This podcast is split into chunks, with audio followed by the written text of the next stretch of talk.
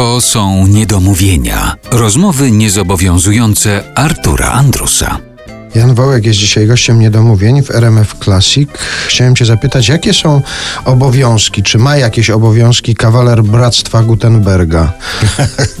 No ma, jak są, jak są bale charytatywne albo spotkania, to trzeba założyć taki specjalny medal wielkości mniej więcej patelni sporej i mniej więcej wagi patelni sporej. No i trzeba odsiedzieć parę godzin uczestnicząc y, w tym przedsięwzięciu. Ja się uśmiecham, ale to jest poważna instytucja, która zrzesza mm, ludzi zajmujących się słowem. To znaczy i autorów, i drukarzy i tak dalej. I to jest taka organizacja o charakterze światowym. Jesteś honorowym kawalerem Tak, Bractwa jestem, Gutenberga. jestem, tak. A ja dlatego zapytałem o obowiązki, ponieważ chciałem Cię zapytać w ogóle o Twoje obowiązki, bo Ty sprawiasz wrażenie, jak się patrzy na Ciebie, jak się poczyta Twój życiorys, że jeżeli by szukać takiego artysty w 100% wolnego, to to jest właśnie Jan Wołek. Ale może to jest tylko takie wrażenie. Czy Ty masz jakieś takie regularne obowiązki? Czy Ty na przykład tworzysz na termin? Czy Ty tworzysz tylko wtedy, kiedy masz ochotę? Oczywiście, że jesteś tak wolny? bywa. Nawet szczerze mówiąc, to ja lubię takie sytuacje, które mnie obligują. Po pierwsze, daje mi to pewien luksus, mianowicie tę e, świadomość i satysfakcję, że istnieje zapotrzebowanie na, na moją twórczość. No nikt nie lubi, że tak powiem, działać w powietrzu. No, oczywiście mogę powiedzieć, to wezmę, tego nie wezmę.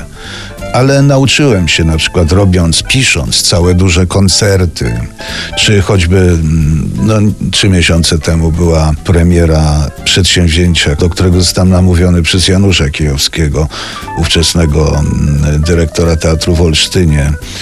Namówił mianowicie Jurka Satanowskiego i mnie, żebyśmy zrobili 20 pieśni do Anny Kareniny. A ja tylko dorzucę tutaj, że jeżeli ktoś chciałby się przekonać, to jest okazja, bo w Teatrze imienia Stefana Jaracza w Olsztynie od 19 do 30 stycznia ten spektakl jest teraz grany, także może to się Tak, widzisz, no, nawet nie wiedziałem, ale, ale, ale zapraszam serdecznie, bo tu, tam jest dużo naszej pracy.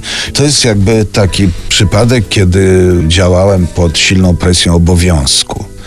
Tak jakby zagrać ważny mecz, gdzie nie jesteś tylko ty. I ten wspólny sukces mnie, mnie uskrzydla. Natomiast rzeczywiście, gdyby miarą twórczej wolności było to, czy się przychodzi do roboty, podpisuje jakąś listę i tak dalej, i tak dalej, no to z przykrością e, muszę powiedzieć, że nigdy w życiu żadnej listy obecności nie podpisałem i udało mi się tych bez mała 65 lat przeżyć. No, trochę co dorzuciłem. Przeżyć, y, nie podpisując takiej listy. Żadnego nawet ćwierć etatu nigdzie, nigdy? Nigdy.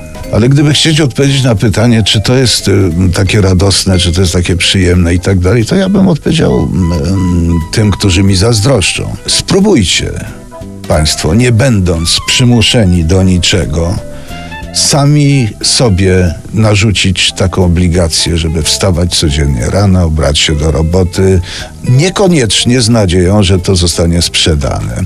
Spróbujcie sami zorganizować sobie miejsce pracy. Spróbujcie zdobyć miejsce na pracownię, kupić to, kupić instrument, który kosztuje, e, jak w przypadku dobrego fortepianu czy dobrych skrzypiec, już nie dziesiątki, ale setki tysięcy złotych i tak dalej, i tak dalej, i tak dalej.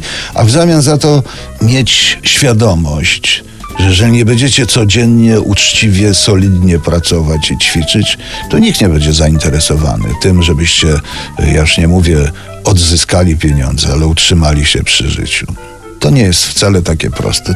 Dobrze brzmi, ale proste nie jest. No myślę, że teraz setki tysięcy ludzi w Polsce zachęciłeś do pracy etatowej. Dobrze. I zniechęciłem do twórczej. Tak się wyniszcza konkurencję.